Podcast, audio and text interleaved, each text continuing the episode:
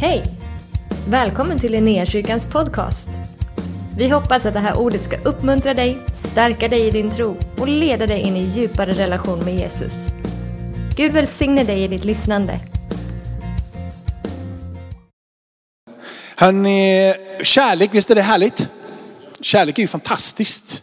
Underbart på alla sätt. Men jag skulle vilja säga att kärlek är också helt livsfarligt. Kanske du aldrig någonsin har erfarit. Men eh, då är du kanske inte gift än. Eller så. Det är livsfarligt. Och det har inte så mycket med själva äktenskapet att göra. Utan det är att när man, när man, när man blir kär och, och så, eh, så kommer man till punkten utav att ska vi gifta oss med varandra? Och så liksom, ja, och så blir det liksom förlovning och sen så, så här, sätts upp ett datum för att man ska gifta sig. Så har man glömt bort en väldigt viktig sak. Och det är det jag skulle vilja varna er för här, som är kopplat till kärleken. Och det är svensexa. Man tänker inte på den, ser du. Den, den, är, den är lurig. Eller?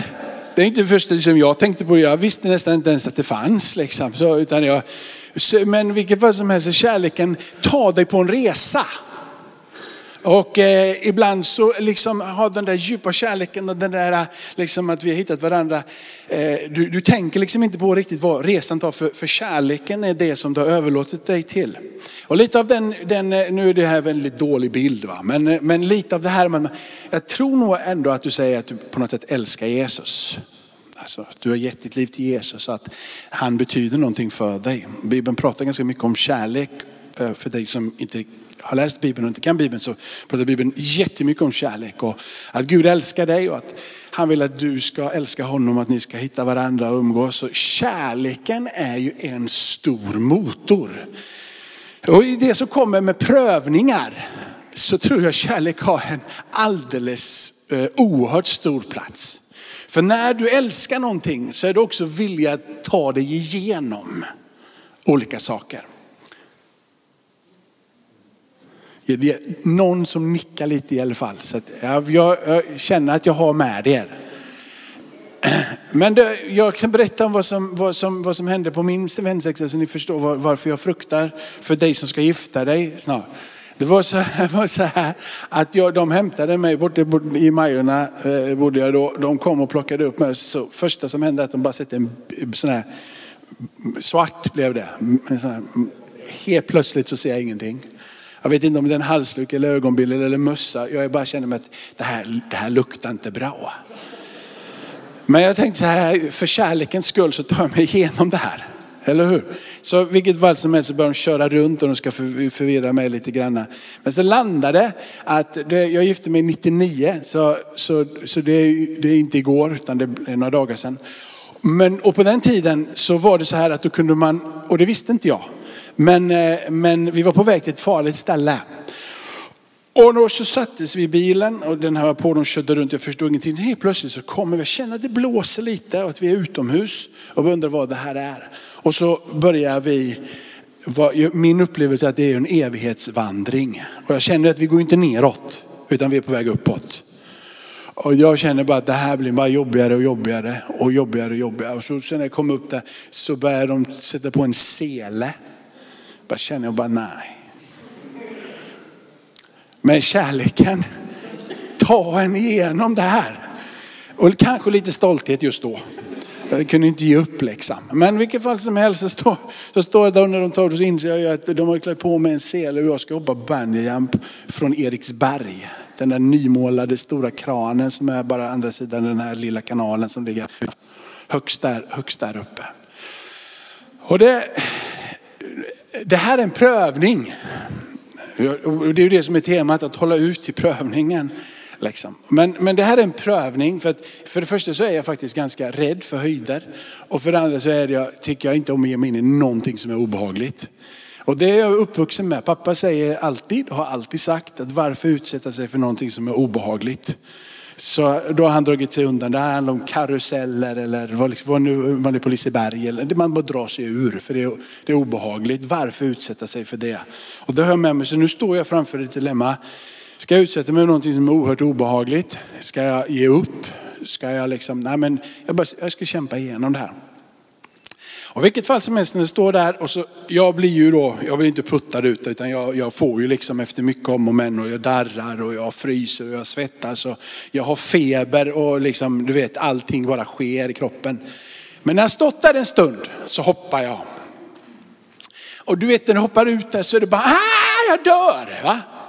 Men det är inte en speciellt lång stund som det där händer. Utan det går, det går sjukt snabbt kan jag säga för dig som inte har gjort det. Det är bara, du, du är bara nere.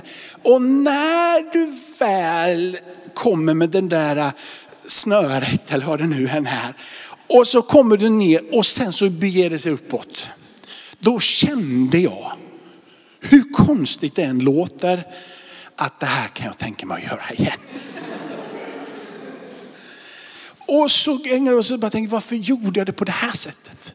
Varför njöt jag inte?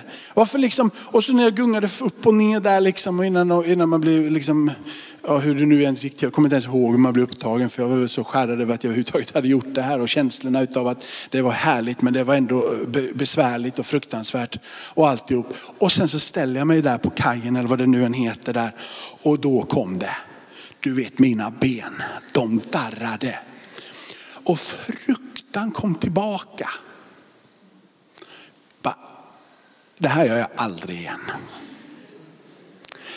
Och jag hade pendlat emellan att stå där och bara känna, jag vågar inte, jag dör, jag går av. Till att känna att det här vill jag göra igen. Och nästa sekund, aldrig mer. Alltså jag vet att jag är ensam nu. Men det känns lite som min tro ibland. På morgonen är jag redo att ge allt. Bara halleluja, Jesus är med. Och kände bara nu ska jag erövra världen. Och sen mitt på dagen så bara tror jag upp. Speciellt inför nu när söndagen ska stå och predika så kände jag klockan tolv bara nu går jag hem och lägger stanna. Jag är sjuk idag. Eller någon gång så kanske, kanske är det bara jag. Men kanske är du, Cissi du vågar erkänna i alla fall. Och sen så på kvällen igen så bara kände du, nu är jag med på matchen igen. Nu är det här bra. Du ställs inför prövningar och du ställs inför beslut och du ställs inför det som är jobbigt. Och jag tror vi behöver tala om för oss själva vad det är vi står på. Och den här texten de, som jag har valt idag, jag ska börja i, börja i Hebreerbrevet. Men när vi läser ifrån Romarbrevet så står det så här att lidande ger tålamod. Och den är jobbig. Jag vill ha tålamod innan lidande. Jag vill inte ha lidande för att få tåla och jag vill, jag vill inte det. Jag vill inte ställa mig på den platsen där det bränns för att få erfarenhet av att det bränns. Men någonstans så är det det som blir återkommande tema genom breven genom hela nya testamentet. Du vet, breven är skrivna för att uppmuntra precis sådana som du och jag. Sådana som på morgonen är glada i tron och på, mitt på dagen känner bara ge upp och på kvällen vill igen. De här som ibland vill ge upp och sluta tro, sluta leva för att det är hårt, det är förföljelse, det är plåga, det är jobbigt, det är besvärligt. Och så bara, men nu ska vi skriva ett brev och uppmuntra dem. Håll fast vid det som du har kommit fram till. Håll ut i din övertygelse. Stå där och låt dig mogna i Kristus. Bli ett med honom. Håll fast, håll ut och ta dig igenom. Så som Kristus och så vidare. Så står det så här, när vi nu har så stor sky av vittnen omkring oss. Eh, det här försiggår till kapitel 11. Kapitel 11 så har du giganter, karaktärer ifrån gamla testamentet som har tagit igenom sig eh, oerhört många besvärliga situationer. Men Gud har varit där och de har fått se löftena bli fullbordade. De har fått se Guds härlighet, de har fått se Guds mirakel och de har tagit sig igenom. Men de har också gått igenom, precis så som du och jag, stora problem. När vi nu har en så stor sjö vittnen omkring oss, låt oss då lägga bort allt som tynger. Och särskilt synden som snärjer oss så hårt. Och löpa uthålligt i det lopp som vi har framför oss. Jag är inte bra på, på att springa, och inte långt. Men däremot så, så tycker jag om att röra på mig när det är en boll framför. Och det är kul. Så, va? Eh, och, och, det, och det konstiga är den att man kan gå lite upp och ner i det där också. Eh, så igår till exempel så spelade vi spelade paddel i två timmar. Och under de två timmarna så är det som att ibland bara känner man att jag, vet inte, eh, jag kan inte koncentrera mig längre. Och så bara händer det någonting och så fungerar det igen. Och du kan liksom, vi hade en period gick hur bra som helst och sen så råkade, råkade någon, ja det var jag, smasha i nät och så förlorade vi. Och sen så hade vi tio bollar på raden så vi var usla. Och sen bara vänder det igen och så bara känner man, nu har vi framgång, nu är, nu är vi på gång igen. Och så pendlar det upp och ner, upp upp och ner. Med konditionen, med liksom kraften, med koncentrationen, med överlåtelsen till matchen. Med liksom vad är jag för någonstans? Så börjar man tänka på vilka är det runt omkring och hur är bollarna? Och, ja, där fick ett litet sår på fingret och sen är plötsligt, nu är jag med i matchen igen. Och så liksom blir du koncentrerad av det. Ungefär som våran tro igen. Och han säger att ni måste löpa uthålligt. Det här, det här är en resa som du är på. Du kommer bli prövad, du kommer bli testad, men du kan ta dig igenom. Genom att du låter blicken vara fäst på Jesus. Trons upphovsman och fullkomnare. För att nå den glädje som låg framför honom uthärdade han korset utan att bry sig om skammen. Och nu sitter han på högra sidan om Guds tron. Håll kvar den. Det fanns en blick han satte ett mål. Han satte liksom, där, där, där är det. Jag ska ta mig igenom prövningen, korset, lidande, det som är hårt och det som är jobbigt. För jag vet att på andra sidan när jag är igenom så bär det med sig en oerhört rik välsignelse.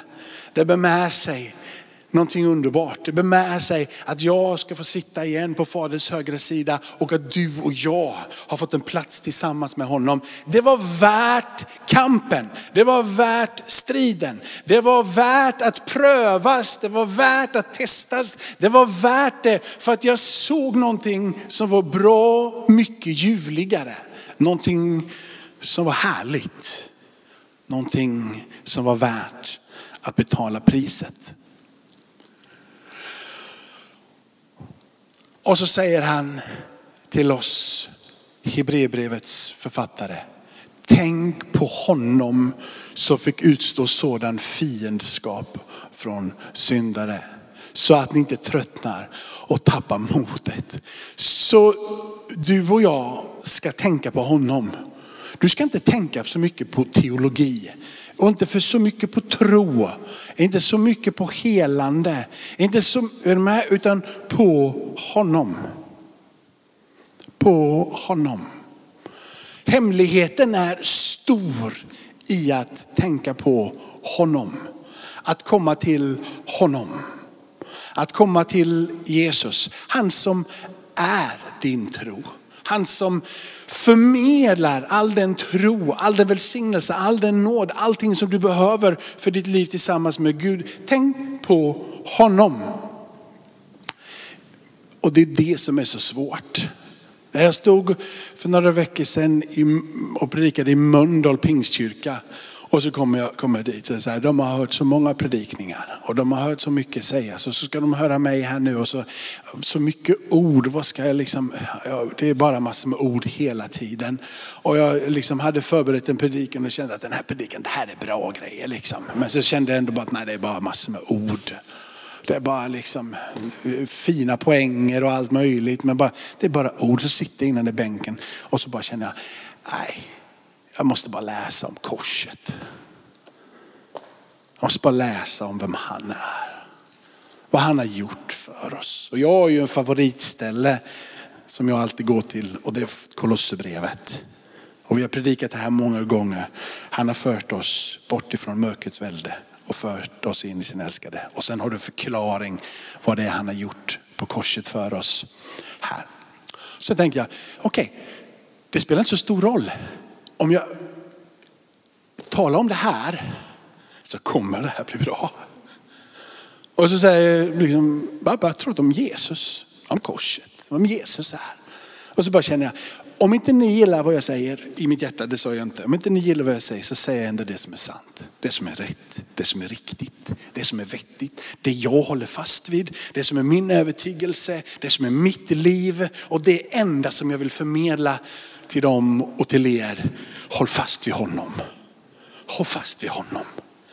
Krångla inte till det så mycket för du kommer bli prövad. Håll fast i honom. Försök inte räkna ut allting. Håll fast i honom. Jag förstår ingenting av min och Helenas resa. Och det är Guds nåd att vi fortfarande håller ihop. Precis som det är för Paulus. När Paulus skriver mot slutet av sitt liv, de breven som är pastorala brev, så säger han att det är Guds nåd som har bevarat mig. Paulus, denna gigant ibland giganterna som har skrivit merparten av, det som vi uppfattar Nya Testamentet med som är brev till församlingarna. Denna Paulus säger att det är Guds nåd som har bevarat mig. Prövad och testad. Tagit sig igenom livet genom Guds nåd. Gud är med. Låt oss vända oss till honom. Så här står det vidare. Jag, jag vill, jag, vill, jag vill säga så här också, det kan ligga kvar här. Så här är det att eh, Paulus, när Paulus skriver, Paulus, Paulus andas ut det här, här om, om, om, om, om, om hur, hur, hur tufft det kan vara, lidande som ger tålamod. Jakobs brev som jag predikade för ifrån första kapitlet för, för eh, två söndagar sedan. Där, där pratar de om en prövningar, att tester gör oss uthålliga. Så, så, tester, prövningar gör oss uthålliga. Jag pratar om lidande som ger tålamod. Innan här, när vi läste från, från Hebreerbrevet så pratade de om en tyngd. Liksom lägg över den här tyngden för ni måste löpa uthålligt. Så det finns ord ganska återkommande utav tålamod, uthållighet som en ingrediens som kommer till dig och mig genom att vi har en tro och blir utsatt för prövning, för utsatt för tuffa tider. Bibeln säger så och vi kommer inte runt det annat än att ställa oss och bara säga, vi får nog acceptera att om vi ska ha kärleken ifrån Gud i våra liv och vi ska leva ett överlåtet liv så kommer vi också att bli ifrågasatta i våran tro och det kommer saker och ting till oss i livet som är obegripliga och orättvisa men som du kan få tro att ta dig igenom även i de passagerna. Så du har någon form av lidande, tyngder, testningar, prövningar som gör att när du tar dig igenom dem, ger dig tålamod, uthållighet. Tålamod har sin botten i lite mer runda saker, lite mer mjuka saker. Liksom du, eh, tålamod kopplat med mildhet och tålamod eh, liksom kopplat till att man har överseende. Tålamod är kopplat till att man liksom, ja men du brusar inte upp utan du, du, du, du har en mild eh, liksom, aura, atmosfär runt omkring dig. Uthållighet är mer kopplat till en kraft. Den där killen är sjukt uthållig. Ser du som han kan springa, kopplat till kondition, kopplat till styrka, att ta sig igenom. Du vet, han bara pumpar på med sina armhävningar. Hur länge ska han orka? Liksom. Det finns en uthållighet, musklerna klarar påfrestning. Men det skedde ju inte på en sekund, eller? Och det är oftast tydligare att se att de där musklerna de har blivit byggda över en tid. Än att just se den där äh, uthålligheten. Eller för den sakens skull kanske ännu mer tålamod. Du vet tålamod, det är liksom ingenting som trillar över dig bara sådär. Alltså tålamod kan alla ha när det går bra, när det är enkelt, när alla är snälla, när det är trevligt när det inte blåser. Alltså, alla kan ha tålamod och lova dig. Utan tålamodet, det är ju det som riktigt behövs när du känner att nu är jag orättvist behandlad. Nu är jag utsatt för, för det här är dåliga grejer. Det är då som det verkligen, men det är kanske nyttigt och bra att inte få den största prövningen i livet på en sekund. Utan faktiskt få det i portioner så att tålamod är någonting som får nästan bli belöningen. Du, du har fått en sjukt jobbig sak framför dig och du har blivit utsatt för det här och det här test. Men det som det har blivit utav det är en belöning i form av tålamod. Du vet att Gud har varit med. Du har agerat i tro emot Gud och han i sin trofasthet har burit dig igenom. Du har riktat din uppmärksamhet emot honom och han har burit dig igenom. När vi pratar om att Gud är trofast så är inte det en klyscha. För att om jag skulle skruva lite på dig som en överlåten kristen så har du så många situationer i livet där du skulle vilja ge upp men du har ändå hållit ut. Och du har sett att han har burit och du kan säga att han är trofast.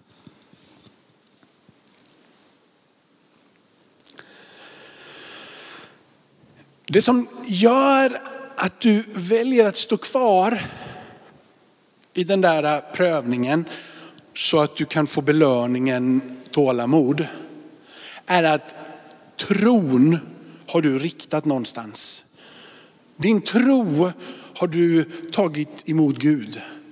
Och när du har tagit din tro och den och riktat dig mot Gud så har han gett, säger Bibeln, utav sin tro till dig. Så här ska du tro. Det som är utav honom lägger han i dig. Men innan han lägger i dig det så tar han dig också genom att han har dött, att han har uppstått bort ifrån världen och för dig in. Så din tro gör att du blir fri, din tro gör att du blir insatt i frälsningen och din tro gör att du börjar röra dig i den riktningen som är emot honom. Det som händer med att du tror sen, så börjar tron tala om för dig vad löftena är för den som är kristen. Tro leder dig till platsen som talar om det som ligger där framme, ett ny himmel, en ny jord som talade om att det finns läkedom, att det finns hälsa. Löftena leder dig in till det som då får bli ditt stora hopp. Du står inte där ensam. Så tro leder dig in i frälsningen och det som händer är att du förstår löftena. Och när löftena blir förklarade utifrån Bibeln och i det som får vara en trosatmosfär och församlingens liv och löftena där om vem Gud är och hur Gud agerar gör att ditt hopp växer. Jättekonstigt. Men det växer. När du förstår vem Gud är och vad Gud har sagt så börjar någonting på din insida säga, det där gäller mig med. Du förstår att du är ett Guds barn, att Gud är god, att han älskar dig. Och du tar längre och längre in i beskrivningen om vem Gud är, hur Gud agerar. Helt plötsligt så säger du, de där löftena de gäller mig med, för de gäller ju alla kristna. Och jag tillhör ju honom. Jag är Guds barn, därför kan jag stå fast i de här löftena. Helt plötsligt när du har låtit de där löftena som finns om honom, så börjar hopp resa sig upp på din insida. Och du känner att det är inte hopplöst. Den här prövningen kan jag faktiskt ta mig igenom. Det är möjligt att komma ut på andra sidan och fortfarande vara glad, frälst, tillhöra Gud, känna att det är levande. Hur jobbigt det än just är i prövningen så kan du stå och säga, jag ser prövningen, jag fattar prövningen, men jag har ett hopp på min insida. För att jag står på löftet om vad Gud har sagt, vem han är och vad han för oss vidare. Så jag ställer mig där och bara säger så här, jag har hopp. Det är hopplöst, men jag har hopp. Jag borde egentligen känna ofrid, men jag har frid. Jag borde egentligen vara rädd, men jag är rätt glad.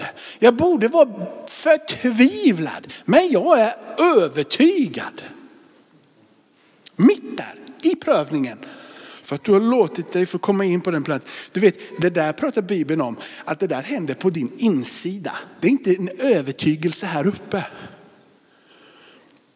Där du försöker, nu ska jag övertyga mitt huvud att jag tror. Försök inte. Det kommer inte funka. Utan gör som Hebreerbrevets författare och bara säg så här. Jag tänker på honom. Jag tänker på honom. Jag tänker på vem han är och vad han har gjort. Så kommer det att bli en skillnad.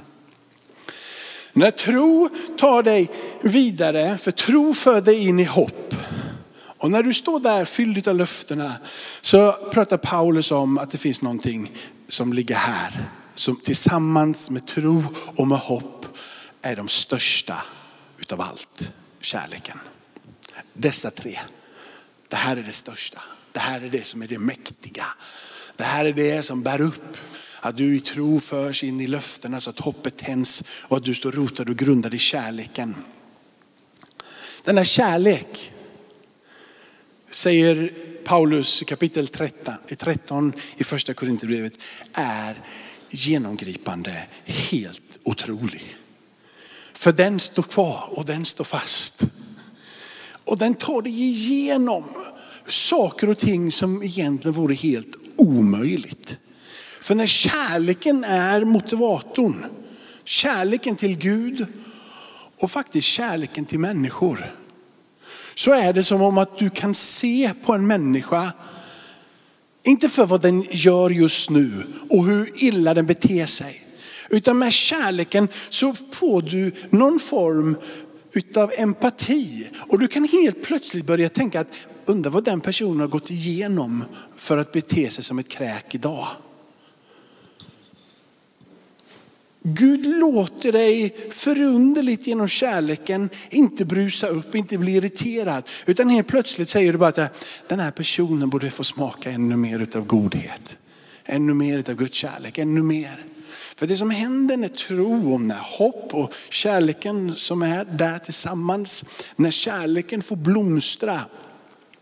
Och den övertrumfar allt kärleken, säger Paulus. Jag ska lära er en väg som är högre än alla andra vägar. Den här kärleken när den kommer in, när den får plats och när den blir den där drivkraften på din, på din insida, så börjar du bli lik Jesus. För du börjar känna att jag är redo att börja ge. För det är kärlekens väg. Det är ett givande. Ty så älskade Gud världen att han utgav sin enfödde son. Det han älskade mest av allt, det som var det dyrbarast för honom. Hans relation med sin son från evighet till evighet. För en tid så var den skild åt när han lämnar, kommer ner hit, när Gud själv genom sin son Jesus begränsar sig till tid och till rum, så är det inte samma relation som det har varit innan. Men Jesus ser att en dag ska jag ha den relationen igen. Men kärleken gjorde att Gud själv bjussade på det bästa han hade. För att få dig och få mig. Och kärleken, när du blir gripen av den, är inte någonting som du kommer låsa in och stänga inne som i ett fängelse. Utan du kommer att bjussa på den.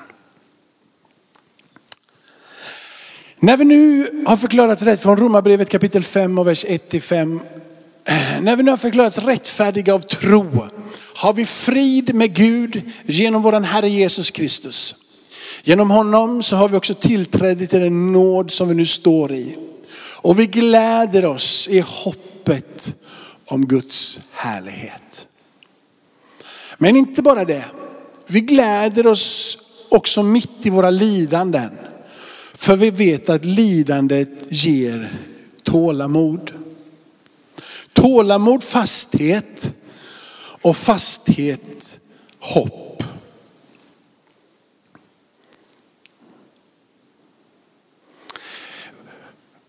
Det är liksom inte, nu, jag hoppas på att IFK vinner idag i fotboll. Det är inte det hoppet. För om du läser att det där hoppet är att du, det är liksom, nu hoppas jag, jag hoppas att det blir mål snart. Kolla på IFK, bara hoppas. Frölunda ska vinna, jag hoppas. Eller, jag hoppas verkligen att imorgon så är en bra dag. Eller, jag hoppas verkligen. Så, så, så läser du inte det här hoppet för vad det hoppet är. Det här, det är ett annat hopp. Ett djupare hopp, ett starkare hopp, ett mäktigare hopp, ett verkligt hopp. Och hoppet sviker oss inte. Vad, vad sa jag hoppet var? Det är alla löften av vem Gud är. Den tron som du har leder dig in till platsen där du får vilja och börja erfara och förstå löftena som finns i Kristus. Och där är det som är hoppet. Helt plötsligt så kanske vi ändå skulle kunna, inte förstå det fullt ut, men någonstans ändå säga, okej, okay, lidandet ger tålamod. Tålamodet fasthet. Fastheten hopp. Hoppet det sviker oss inte. Och så adresserar Paulus för Guds kärlek är utgjuten i våra hjärtan genom den heliga ande som han har gett oss. Det var den här texten som jag fick och tänkte hur ska hela världen ska ta sig igenom den här texten.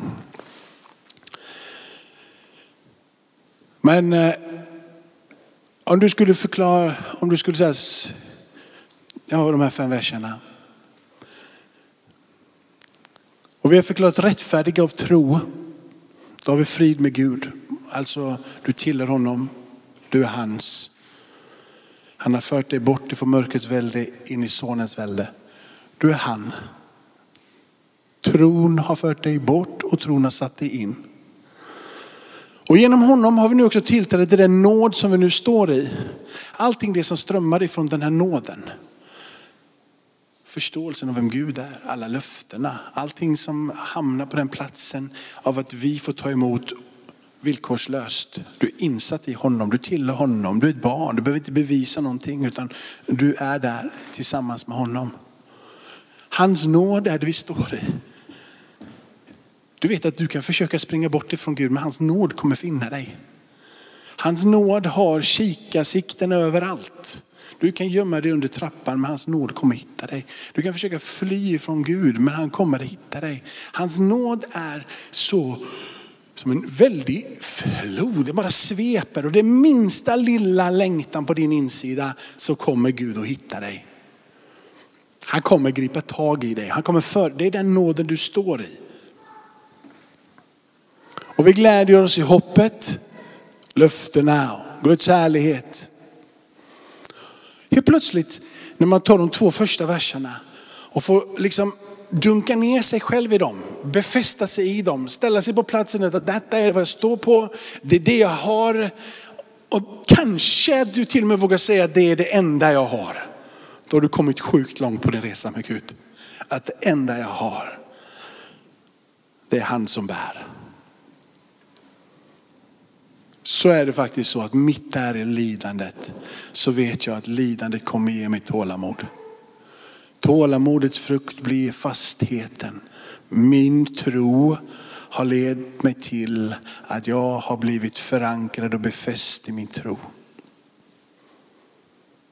Vi behöver mer av Guds kärlek. Ska vi komma till det dukade bordet? Jag ber Fader i himmelen att den här stunden, vi längtar inte efter prövningar, icke som icke. Men, men, men, men vi, vi längtar efter dig och mitt i prövningen så är det enda vi vill ha är mer av dig Herre. Så idag ber jag, utgjut din kärlek. Låt din kärlek få flöda över oss.